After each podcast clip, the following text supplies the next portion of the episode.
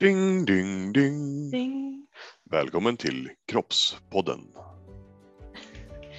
Idag ska vi prata om vår främmande kropp, eller rättare sagt hur vi tar hand om kroppen så att vi slipper känna av den. Har du en kropp, då har du ett problem. Känner din kropp att den blir kissnödig, törstig, hungrig, får ont i huvudet eller har musarm eller diskbråck, då är det här podden för dig. Välkommen till Molodi Podcast, en podd där vi talar om att skapa ett liv som känns lika bra som det ser ut. Med mig Aron. Och mig, Moa.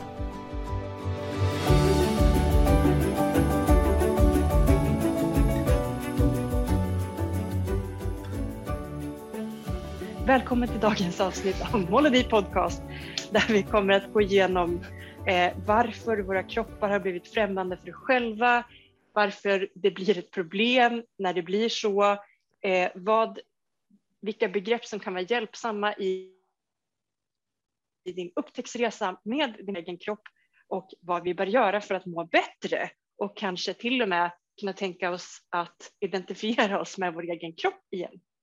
Det låter helt sjukt, va? Ja. Identifiera sig med sin egen kropp. Ja, och det, då tänker jag, det där är så himla spännande. Jag, det hörs ofta på språket.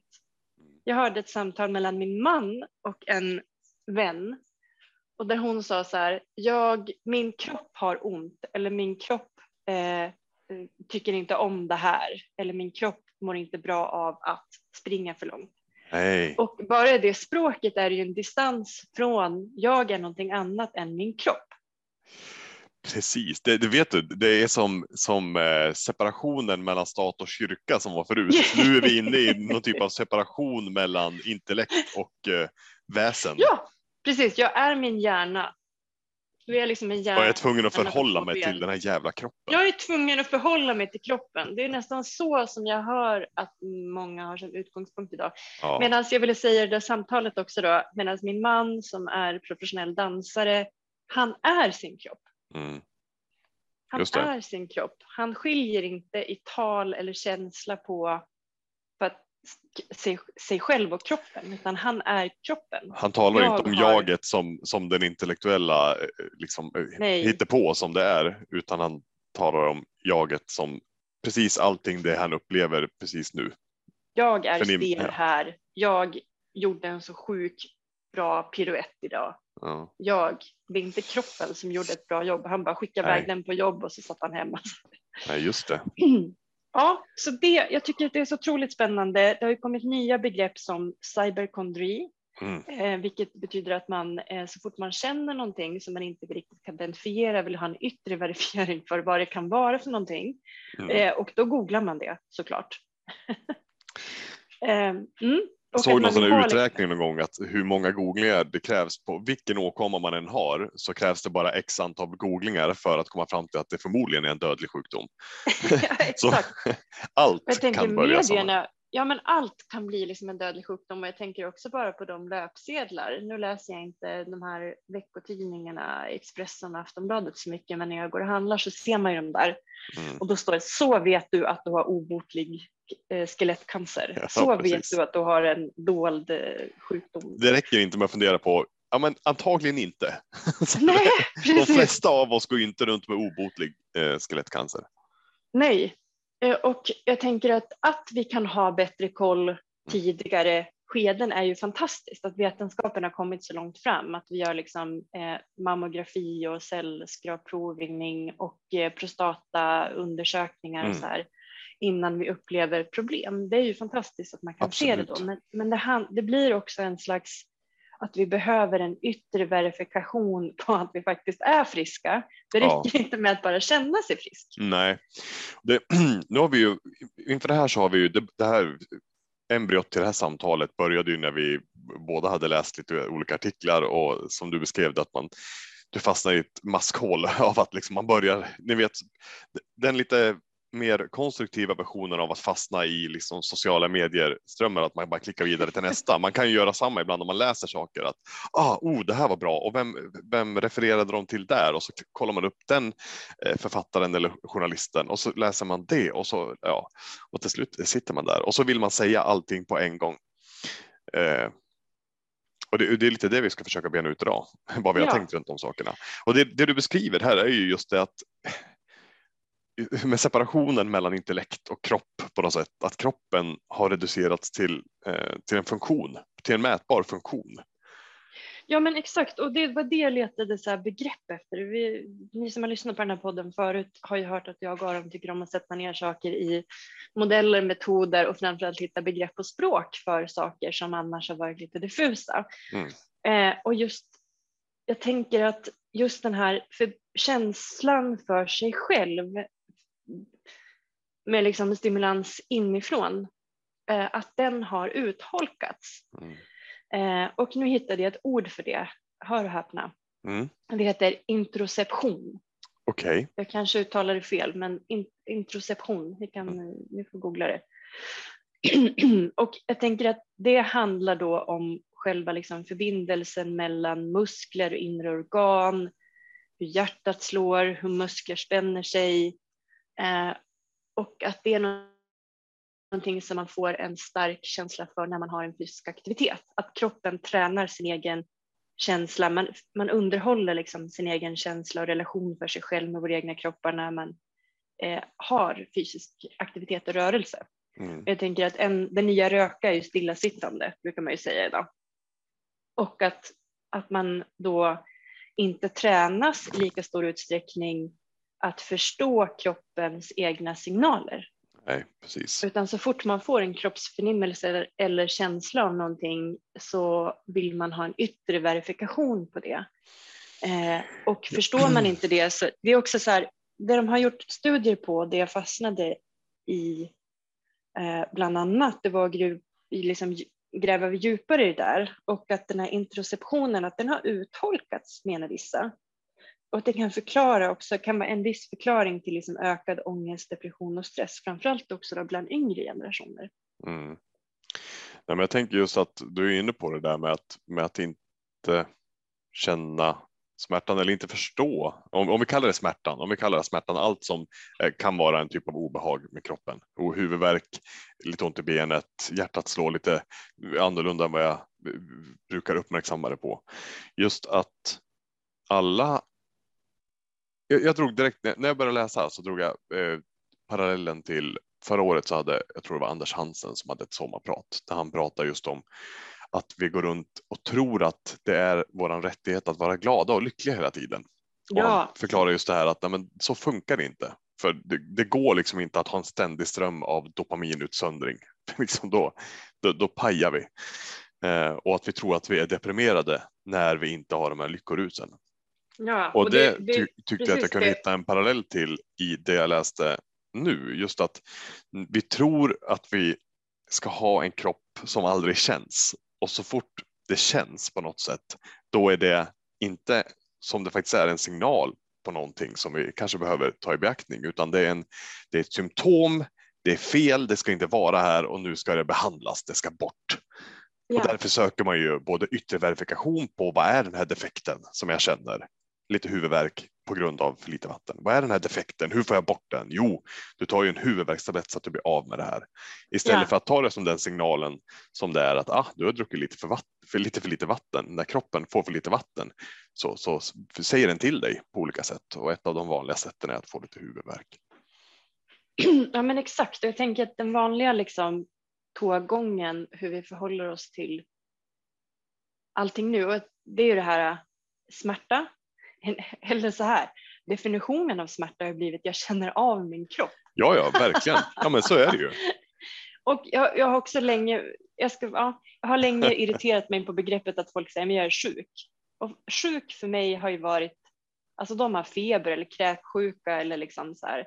Och nu Mm. kan folk säga jag är sjuk och det är en vanlig förkylning och det har man med jämna mellanrum om man har en kropp, en frisk och sund kropp. Ja, ja, ja. Men det är så här, smärta, man tar en tablett för att bli av med den smärtan man har, obehaget. Eh, man googlar hjärnet.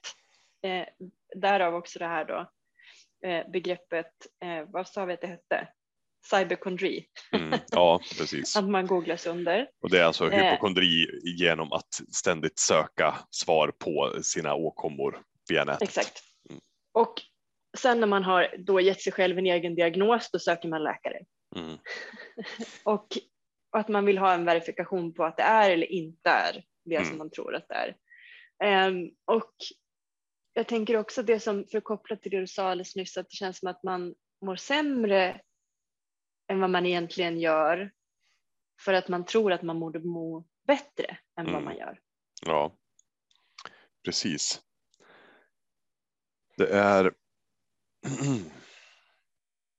Jag tänker att, och det är det här som du säger också att Hansen-programmet där, att det är liksom en, en mänsklig rättighet att känna sig lycklig och tillfreds. mhm, På samma sätt så känns det som att vi ser det som en mänsklig rättighet att, eh, liksom, att det borde stå inskrivet i Sveriges grundlag att eh, avsaknad av smärta är en rättighet. Ja, precis.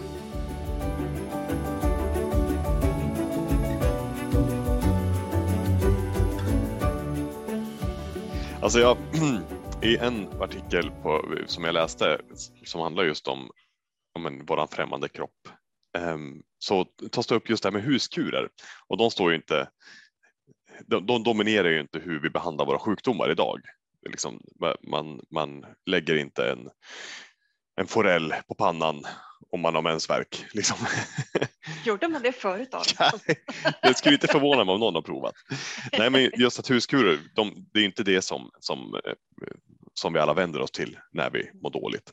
Och det är ju såklart, det är ju vettigt på ett sätt för att det är väldigt få av de huskurer som finns kan man ju faktiskt säga att har en reell effekt på det man försöker bota. Men den här artikeln tar upp att det är inte det, det är inte det faktiska helandet från liksom forellen som har varit det viktiga i huskurer, utan det är mer den, eh, den ceremoniella biten av det som får effekter på oss. Till exempel Ja, om vi, ja, om vi blir förkylda, då kommer man hem och så känner man så här, oh, jag är helt slut och jag är täppt i näsan och man tar av sig sina kanske arbetskläder, man tar på sig en morgonrock eller mjukisbyxor och en härlig eh, hoodie och så kokar man sitt te, man häller i lite honung, kanske en skvätt citron för att det känns bra och sen så kryper man upp i soffan och så sitter man där och bara tänker att ja, vad härligt det här blir. Nu, nu tar jag hand om mig. Känner man så? Det här, vad härligt. det här. Högst subjektivt inskjutat Nej, men det det är precis som du säger, att det är liksom också symbolvärdet i den där ritualen. Nej, men och inte Eh, bara symbolvärdet, jag tänker på det man faktiskt gör. Det man Mm. gör i det läget, det är att man Mm. bromsar ner, man slutar springa på, man tar det lugnt, man gör sig bekväm, man tar bort, ehm, man tar bort påfrestningen på kroppen så att den kan fo- fokusera på att hantera den här eh, infektionen som man har i kroppen. Mm. Så liksom, det är ju inte teet i sig som gör att oj, nu mådde jag faktiskt bättre, Mm. utan det är så här, du tog det lugnt. Du stack inte iväg på det där mötet på eftermiddagen. Du åkte inte iväg på den där AWn. Det kanske inte var du som körde ungarna till träningen just idag, utan du ringde och bad någon annan göra det. Alltså man tar tror hand jag om kroppen. faktiskt det är en positiv effekt av också pandemin, att vi har mindre sjuknärvaro Ja, än vad vi har haft tidigare. precis. Eh, Men jag tänker att det fortfarande, eftersom man inte riktigt litar på, förstår eller ens tolkar sina egna inre signaler rätt, Mm. ehm, det gör ju att det är lättare att köra över sig själv. Mm. Äh, det är bara, jag tar en värktablett och så drar jag iväg ändå. Jag skulle ha gymmat det liksom nu i eftermiddag med en kompis. Bara, äh, jag tar en Ipren och så drar jag. Mm. Eh, att det känns också lätt, det är lättare att trumfa de där signalerna som kommer från insidan och att man också behandlar symptomen istället för orsaken. Mm. Vad är det som gör att jag känner som jag gör? Mm. Och samma sak med ångest och oro. Det är ju också en del av livet. Jag tänker att vi har en ganska skev syn på smärta nu Mm. eh, och att vi också så ska kunna medicinera bort allting. Alltså livet är ju ganska tufft. Ja. Livet är ju, eh, har man en kropp och lever ett liv så smärta är en del av livet. Mm. Eh, och jag tänker också som att smärta eh, börjar ju närma sig döden. Smärta Mm. kan ju vara tecken på sjukdom och sjukdom kan vara tecken på att man snart ska dö. Och döden pratar vi inte om. Eh, så att liksom att också liksom, att inte fjärma sig bara då liksom från smärtan och döden, att det är liksom det vi skräms ifrån och det är därför så här, vi gör allt för att hålla det på armlängds avstånd. ja, precis. Och det gör ju att jag tänker både och vill jag ju alltid ha. Jag vill alltid ha både och. Ehm, att man samtidigt som man känner sin kropp och kan göra någonting åt det oavsett om det är en Ipren och eller en kopp te. Eh, att man också känner in vad det kan handla om. Är det att jag är stressad? Är det att jag har lyft för tungt, jobbat för hårt? Är det att jag har druckit för lite vatten? Ja. Eh, eller handlar det om någonting annat? För det är också kropp, känslorna är ju det är kroppens sätt att kommunicera med hjärnan vad kroppen behöver. Ja, men precis. Och det, det är väl just där vi är i paradoxen nu, att man, mm. tar, inte, man tar inte kroppens signaler som signaler på att mm. ah, här är det någonting mm. som du förmodligen eh, skulle må bra av att ha koll på mm. eller förändra mm. eller mm. utan man, man ser det bara som ett, ett, ett liksom, symptom på en tillfällig defekt som ska tas bort Exakt. med yttre medel. Det, vi, var inne på det i början just att man, kroppen liksom reduceras till, till en funktion som man kan mäta och just ja. det här utanförläggandet som man, som man sysslar med så mycket. Det är både om man mår dåligt eh, psykiskt, mm saker och ting är mm. jobbigt, då vill man jättegärna leta på okej, okay, varför mår jag dåligt? Vem har gjort mig orätt? Vilka förutsättningar har inte varit så bra som jag förtjänar att de skulle vara och så vidare istället för att titta på sig själv. Och samma sak med kroppen. Och det där innan vi började spela in här så, så började vi garva. Vi snackade om vatten. Du frågade hur mycket vatten dricker du om dagen och så berättade jag lite hur jag tänker. Och så, så sa jag att ja, men berättade att min eh, fru ibland glömmer bort att dricka vatten så då hon har någon sån app du vet som plingar till. Nu är det dags att dricka vatten och så fyller man i eh, genom sin smartwatch så klickar man. Nu har jag druckit så här mycket vatten. Ja, vad bra, då håller jag koll på det åt dig, säger telefonen och så. Och så i slutet av dagen så får man ett litet externt kvitto på att ja, se, du har druckit tillräckligt med vatten så du mår förmodligen helt okej. Okay. och då har man liksom utanförlägger hela tiden det, det, det, gör jag med. Jag kollar ju på min smartwatch så här. hur mycket har jag sovit i natt? Har jag sovit ja, bra exakt. eller dåligt? Jag får en sleep score och i vissa morgnar kan jag, se, jag kan verkligen sitta och skratta åt när jag sitter alltså och tittar i en app. Hur bra sov jag i natt? Ja. Det tittar jag i, i min telefon. Jag, sov, jag, jag fick tydligen bara 78 av 100 poäng i natt. Så här, oh, nej, men jag som vädret, man tittar inte ut längre, man tittar på telefonen. Liksom. Ja, men just ja, men absurditeten i så här, att först titta på kvittot som man har fått från en mm. app. Nej, jag sover inte så bra. Nej, nu när jag känner efter. Nej, jag kanske, oh, nej, jag kanske inte så, Exakt. kanske har lite ont i huvudet. Det som jag tycker är faran. Har du hört talas ja. om de här Aura Rings? En ja, ja, ja. Mm. ja.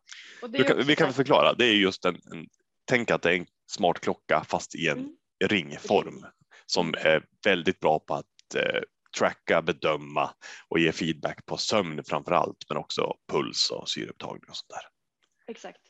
Oura-ring. Eh, Oura-ring om man vill googla det. Precis. Mm. Eh, och jag tänker att det där är ju fantastiskt också så här om man vill förbättra sin sömn eller få liksom yttre feedback på hur man tränar eller mm. Eh, sådär. Men jag tänker att det jag märker många gånger när jag träffar människor som har sådana där ringar, det är att det är, så här, det är så lätt att det, precis som du beskriver, så här, ja, det är en bra feedback, feedback på att jag gjorde på ett bra sätt eller att jag kan förbättra på något sätt. Men det är så himla lätt, precis som du säger, att jag har en viss känsla för hur jag sov på natten, men sen fick jag feedback att det var sämre än vad jag kände. Så därför tolkar jag det som att helt börjar liksom plötsligt börja må sämre än vad jag egentligen gjorde innan. Ja, Ja, men, och, och, nu, nu drar vi en parallell tillbaka till det här mentala, för allting sitter ihop. Det handlar om hur vi förhåller oss till oss själva, ja, oavsett ja. om det är mentalt eller kroppsligt. Mm. Men också det här att man kan känna så här, fan jag är rätt glad. Eh, jag ja. känner mig ganska bra idag. Jag är ganska nöjd med, med, med mitt liv och jag känner att jag presterar bra på jobbet eller i andra situationer. Så där. Och sen så börjar någon swipa någon Instagram reels och då blir man matad med, med liksom hur, hur jävla snygga människor är och fan den här jäveln var klippdök där borta. Oh shit vad snygg kille hon hängde med eller och så, oh, och så tittar man tillbaka. Nej, här fick jag ett kvitto på att det jag kände och upplevde hos mig själv. Det var ju bara en jävla illusion. Jag har ett dassigt liv egentligen och kolla, kolla min hy. liksom. och det, och det, det, är lite samma grej. Även, här gör vi det mer medvetet med det fysiska. Mm. Det, I och för sig, vi blir ju jättematade med någon typ av ideal där också, som du sa, du, du var inne på det med tidningarna. Så, här, så vet du om du har eh, ja, skelettcancer. Eller, ja, men precis. Där var intressant. Ju, åh, jag minns inte vilken artikel det är. Eh, skitsamma. Men blir man intresserad av sådana här saker, då får man gärna mejla oss. Vi, vi sitter inte och gör litteraturlistor i våra poddavsnitt, men då får man skriva till oss och då självklart delar vi gärna med oss. Vill man läsa mer? Det är bara jätteroligt. I någon av artiklarna så togs det upp ett exempel från en sån här ehm, absurd sketch från Saturday Night, Live, Saturday Night Live från om det var 80-talet. Och då gjorde de just en sån här grej. Eh, så vet du om du har ont i huvudet. typ en sån, en sån sketch. Och liksom, det är lite som att vi garvade. PCR-test. Liksom. Ja, men, men på 70-talet garvade vi åt låten Kom och köp konserverad gröt. Ja, Allting ja. går att sälja med mördande reklam. Ja, ja. Eh, Och det blev ju sanning för 15 år sedan och sedan dess så, så äter de flesta gröt på det sättet. typ.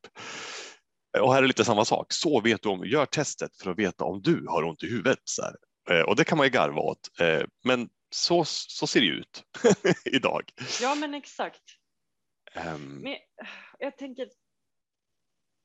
Gud, jag tänker så mycket. Men jag tänker att det har liksom, relationen till smärta har förändrats otroligt mycket över tid. Och jag tänker att det har gått från att vara ett värdefullt tecken mm, på någonting eh, till att bli liksom ett meningslöst fenomen som kan medicineras bort. Ja, just liksom det. summan av kardemumman. Liksom. Ja, Eh, och att man liksom vill fjärma sig från det där och att det på något sätt, jag tänker nu med reservation för uttal, Byung Chu Hans. perfekt. Jag kan bekräfta att det är helt korrekt. Ja, uttalat. tack, perfekt, tack, Mm. tack. eh, eh, pratat om så här, just det här eh, prinsessan på ärten symptomet. Prinsessan Syndromet. på ärten, Mm. vad sa jag? Syndromet. Symptom, vi är så inne på Ja. symptom. så det är så lätt att man Syndrom. så här, Prinsessan på ärten syndromet. Precis. Yes. Eh, Och att det handlar om just att det är den här klassiska sagan med en prinsessa som ligger på en madrass och så är det en ärta under så liksom känner hon av den och så måste hon ha fler och fler madrass, madrasser. Till slut ligger hon på ett torn av madrasser Mm. eh, liksom. och så är det en liten ärta som stör henne. Eh, Ja. Och jag tänker att det är också det där att det spelar ingen roll hur många madrasser vi har eller om vi tar bort den där ärtan utan liksom att livet självt skapar obehag. Mm. Absolut. Eh, och att det liksom smärta är en del av livet. Det är kommer finnas ärtor. inse. Det Var kommer finnas ärtor. Be sure. Var så säker, ja precis. Var så säker, det kommer finnas ärtor. Och att det är snarare där att också titta på vad är det för ärtor, att det är inget farligt. Det är det vi vill, normalisera smärta. Vi vill normalisera smärta och obehag i det här Ja. poddavsnittet. Mm. Eh, och att det är liksom så här, äh, jag tittar på också så här orsaken istället för bara symptomet och att liksom komma tillbaka till dels bara också normaliserat, det verkar som att man tittar på forskning och studier kring det här ämnet att eh, interoceptionen har blivit sämre. Mm. Vår egen känsla med förbindelser, eh, liksom dels den rent fysiska feedbacken i kroppen men också vår egen känsla för vår, oss själva Ja. och vår egen tillit till de signaler vi får inifrån våra egna kroppar. Att vi letar efter yttre verifikation på att det är sant Ja. hela Ja, tiden. verkligen. och att det liksom att man också i större utsträckning idag än tidigare också kanske misstolkar de här signalerna vi får inifrån eller till och med feltolkar dem. Mm. Eh, att när vi har lite huvudvärk på grund av eh, vätskebrist eller att vi har missat att dricka den där koppen kaffe Mm. om vi är beroende av eh, koffein. Att vi misstolkar det som att nu har jag nog en hjärntumör. ja, precis. Just det. Jag kommer dö. Jag kommer Mm. dö om man hårdrar det. Lite huvudvärk. Jag kommer dö. Ja, då kan vi säga ja, det kommer du. Någon gång Precis. kommer du dö. Det är ofrånkomligt. men, men ja, alltså, ja, precis. Det är så otroligt eh, spännande. Men att livet blir otroligt trångt tänker jag mycket, många gånger på. Mm. Att liksom, livet har, eftersom vi vill fjärma oss från liksom smärtan och döden, att vi, vi liksom skräms av det i så stor utsträckning eftersom vi också i vår kultur idag inte pratar om smärta och döden på ett avdramatiserat och normaliserat sätt. Eh, då reduceras också våran, liksom, sätt att leva till liksom överlevnad och smärtlindring. Mm. Och att jag tycker att Dagens Arena, där läste jag en artikel och det, de sa det så bra, så här att jag kommer inte ihåg vad artikelförfattaren heter just nu, men så här stod det i alla fall att priset vi får betala för att hålla döden på armlängds avstånd är att distansera oss även från livet. Mm. Jag tänker det ligger så mycket i just det där citatet att jag träffar många som känner så här, men gud varför känns det inte lika bra som det ser ut? Nej. Eller varför, jag har ju alla möjligheter i mitt liv. Jag har ju, varför känns det så dåligt när jag har det så bra? Mm. Och jag tror att det här är en del av varför. Mm. Ja, verkligen. Och det handlar om, nu pratar ni vi är inne på mycket av liksom den speciellt fysiska feedbacken i oss själva, men det finns ju också, vi har ju också en emotionell feedbacksystem hela tiden. Ja, Tyckte jag om att sitta i det här mötet, Ja. eh, så här, att vi tänker aldrig på, det är, så, det är så mycket skygglappar på, vill jag ha ett liv där jag får gamnacke och musarm och eh, eh, har liksom hjärtklappning för att jag är stressad hela tiden? mm. Eller liksom, ska jag medicinera bort det eller ska jag ändra min livsstil?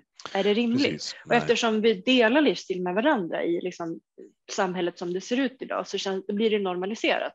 Mm. Men det kanske är själva livsstilen som skapar symptomen och det kanske är det vi måste göra någonting åt även om Ja. det är tufft att se. Ja, men precis. Mm. Alltså det, ja, men vi, vi snurrar ju runt samma sak hela tiden, just det här med att, att inte utanförlägga sökandet, på, eh, sökandet av svaren på hur vi mår. För det Ja. är så, ja, men, som sagt, känn efter på morgonen när du vaknar. Ta inte upp telefonen det första utan ta fem minuter och bara känn i kroppen. Hur har jag sovit i natt? Känner jag mig Ja. utvilad? Känner jag mig inte utvilad? Ibland har man sovit länge men känner sig inte ut. Ja, det är lätt att känna efter. Eh, Och tänka att det är efter. okej, oav, det är oavsett också, ja precis, och det är så lätt att tänka vad vi känner. Ja, men absolut. Men att tänka efter på, har jag druckit vatten idag? Och så försöka minnas tillbaka, att Mm. prova att låta det vara, att hela kroppen får vara med hela tiden istället för att hela tiden Mm. googla sig fram till svaret. Har jag druckit mycket idag? Så kan man faktiskt fundera och försöka minnas. Men också det här med, jag tänker på, det är såklart att räkna kalorier till exempel kan ju vara jätteeffektivt om man vill ha en kontrollerad viktnedgång eller hålla en vikt och så vidare. Mm. Mm. Men det är också väldigt lätt att, att se. Man kan verkligen fördumma allting och göra det mycket enklare. Så här. Nu när jag har ätit så här de sista veckorna, har jag gått upp eller har jag gått ner i vikt? Eh, Mm. Om det nu är det som är viktigt för en. Och, det, och, då- kan man känna efter, hur mår jag i kroppen när jag äter så Ja, här? men hur är jag bekväm med mitt eget skinn? Ja. Att det är som mer det än eh, kan jag mäta mig med de här eh, influenserna på Instagram eller eh, de där i magasinet eller Mm. i den realityserien. Ja, Det är också den här inre checken med sig själv. Är jag bekväm med mitt eget skinn? Passar mina byxor? Eh, hur mår jag? Känner jag mig, liksom, precis som du säger, känner mig stark eller känner mig lite svullen i kroppen? Eller, mm. precis. Och det, det, för att liksom dra ihop, för att knyta ihop hela den här biten så tänker jag också på det här jag vill ta in en sista grej och det är just den här med att man söker yttre bekräftelse på att man du- duger som man är oavsett om det mm, är genom mm. vänner eller om det är genom vad man Mm. presterar. Ehm, så så det, man kommer ju tillbaka till samma sak ändå, att leta efter svaren på vad som händer hos oss själva någon annanstans än hos oss själva. Ja, men Mm. det, det är både fysiskt, mentalt eller andligt eller vad man, vad man än väljer. Det blir ju en lång sökan Mm. de svaren som handlar om oss själva kommer förmodligen aldrig kunna finnas någon annanstans än hos oss själva oavsett om det handlar om sitt eget värde, hur vi mår fysiskt eller hur vi mår mentalt. Sen kan det hjälpa att prata med andra om det och läsa och så vidare, men att söka själva Mm. svaret på det, det blir en jäkligt lång sökan och svaren blir väldigt ihåliga förmodligen. Jag- Ja, vet vad jag, jag tänker så här, det är som en massflykt från oss själva. Ja, Vi kan inte Verkligen. vänta nog med att få flytta in hjärnan i en cyborg så vi slipper den här kroppen. nu, nej, fy fasen. Jag, jag tänker Jag bara, tänker- vad, vad Mm. hemskt egentligen. Ja, Vara, vara ja. instängd i en låda med sin, sitt intellekts villfarelser för resten av Ja, evigheten. åh, fy fan. Ja. Och jag Skjut tänker med, att kroppen, ja men faktiskt. för att använda ett hälsingskt uttryck. skjut med. Nej, precis, där heter det här avsnittet, skjut med. Det, det, eh, jag tänker också att jag älskar ju min kropp. Jag tycker den är fantastisk och att det är den som ger mig möjlighet att få så många upplevelser. Och det är liksom just den här känslan av ett vinterbad eh, eller liksom nysnö, hur det känns att gå i nysnö och hur det låter. Alltså det är de här fem sinnena, liksom, liksom känsla, syn, hörsel, lukt, smak. Att få uppleva livet med alla sinnen. Jag tänker Mm. också att vi är så skyddade från naturens element. Mm.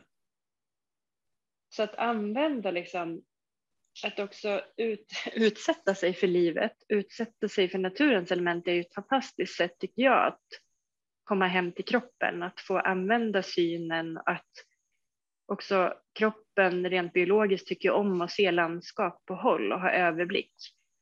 Och hörsel, att faktiskt gå ut och lyssna oavsett om man bor i en stad eller om man har möjlighet att gå ut i naturen och lyssna på hur det låter nu liksom, i början av februari Mm.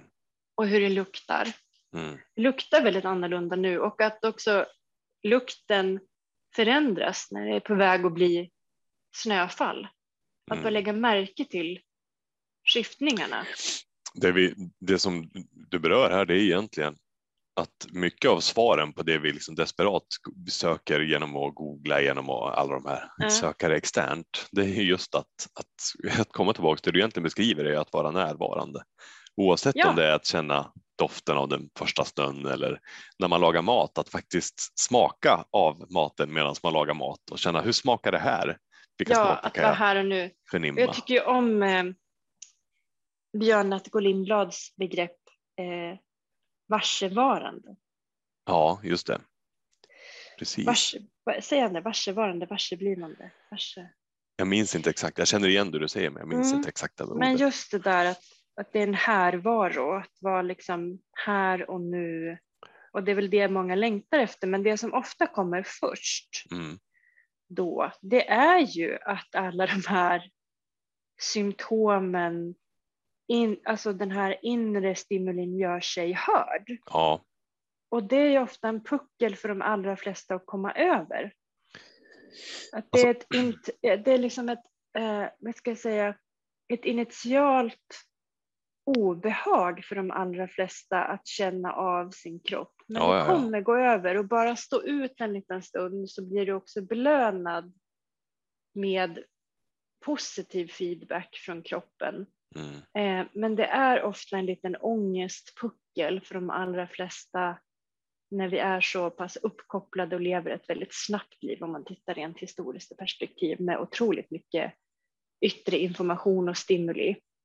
Så att förankra oss själva i vår egen kropp och att bli varsevarande i, i stunden och använda sin syn, hörsel, lukt, smak och känsel är för de allra flesta ett initialt obehag och en puckel man behöver komma över innan man kan också få åtnjuta det härliga av att faktiskt ha en kropp. Mm. Ja men absolut. Mm. Det, det, det, det, just det här att det, det kan vara utmanande att, att faktiskt vara närvarande. Eh, Det är så lätt som du säger med yttre stimuli och distraktioner. Att, Mm. och särskilt om, om distraktionerna innebär lite mindre smärta, lite mindre utmaning så är det ganska Mm. lätt att Mm. ja, vad skönt, en distraktion, jag tittar på den Mm. istället. Mm. Men jag skulle vilja eh, avsluta det här eh, poddavsnittet med ett citat Mm. från en person som jag jobbar med som är Mm. väldigt klok. Hon brukar säga oavsett vad det är för utmaning man står inför eller någonting man har gjort så brukar hon säga det är inte svårt det här, men det kommer kräva ett hårt arbete. Oavsett. Och det är just det där Ja. och, och hårt arbete, det, det går också lätt att misstolka, men det kommer kräva en, ett fokuserat Insats. arbete, en Eh, insats. Ja, ja, det krävs resurser. Och jag tänker att det handlar om att förhålla oss till våra kroppar och det lidande som en del av livet. Ja. Att det är liksom ofrånkomligt att det är lite knöligt, både mentalt och fysiskt då och då. Mm. Och det, liksom, att också, det räcker inte bara med att bota eh, de här symptomen, utan vi kommer behöva också ge dem en mening. Eller förstå vi, meningen, meningen finns Ja. ju redan. med dem. Ja, men, ja precis, och att förstå meningen och, och återetablera då om vi liksom har en sämre inter, intersektion, Mm. mm, sämre förståelse för oss själva, att återetablera det, för det går ju att trä, det är det som är så fantastiskt, hjärnan är ju plastisk, återetablera det och att också börja lära oss förstå signalerna för vår egen kropp så att det får mening igen, för då är det ju värt att ha dem. Precis. Bra! Ja, härligt. Då är vi Jag, klara! jag ska säga den Ja. eh, artikeln som, som eh, Ja. Du refererade till. Nu Ja. kommer det en sån ändå, men det var ju Dagens Arena, det sa du. Det är Thomas Vederus heter han som har skrivit den. Eh, Frilansskribent och eh, psykolog. Mycket bra. Mm, ja, kanon. Så bra. där, där kan man Mm. gå in och titta. Där tar upp väldigt mycket bra beskriven artikel. Ja, Tar upp mycket av det tack för att ni har lyssnat idag eh, på årets första podd. Årets första podd, helt fantastiskt. Årets första podd. Och vi eh, ser fram emot att få hänga med dig i eten precis när du vill genom den här podden. Mm. Eh, och du är också naturligtvis välkommen att titta in på Instagram, studio understreck molodi. Är det så? Stämmer. Ja. Och om ni vill så är ni också välkomna att mejla på moa.molodi.se eller att hänga med oss också i vårt community på vad heter det? Patreon. Patreon. Tack, Yes. Pinterest tänkte jag säga. Det, där finns det är. Ja, precis. Och molodi.se eh, bloggar och lite allt möjligt. Nyhetsbrev Ja, kan man signa upp på där. Då precis. hänger man liksom med. Och fortsätt, så, ja. fortsätt skicka in eh, önskemål på eh, det som ni vill höra mer om eller, eller nya, eh, nya ämnen som ni är nyfikna Ja. på. Det är ju bland det roligaste. absolut. Det kan hända att det kommer även en blogg inom kort på detta ämne eftersom vi Oh, är yes. så eh, intresserade av detta och läsa på mer. enkelt. Känns som vi skulle kunna skriva en bok imorgon om ämnet. Om man Exakt. skulle få utlopp för alla funderingar man har. Vi, vi har pratat om det och skriva pixiböcker. Ja, precis. Ja, det här kan bli kul för det här kan vi gå tillbaka och lyssna på. Pixiböcker för vuxna, vad tror ni om den? Ja. Ja, det är helt ja fantastiskt. precis. Ja.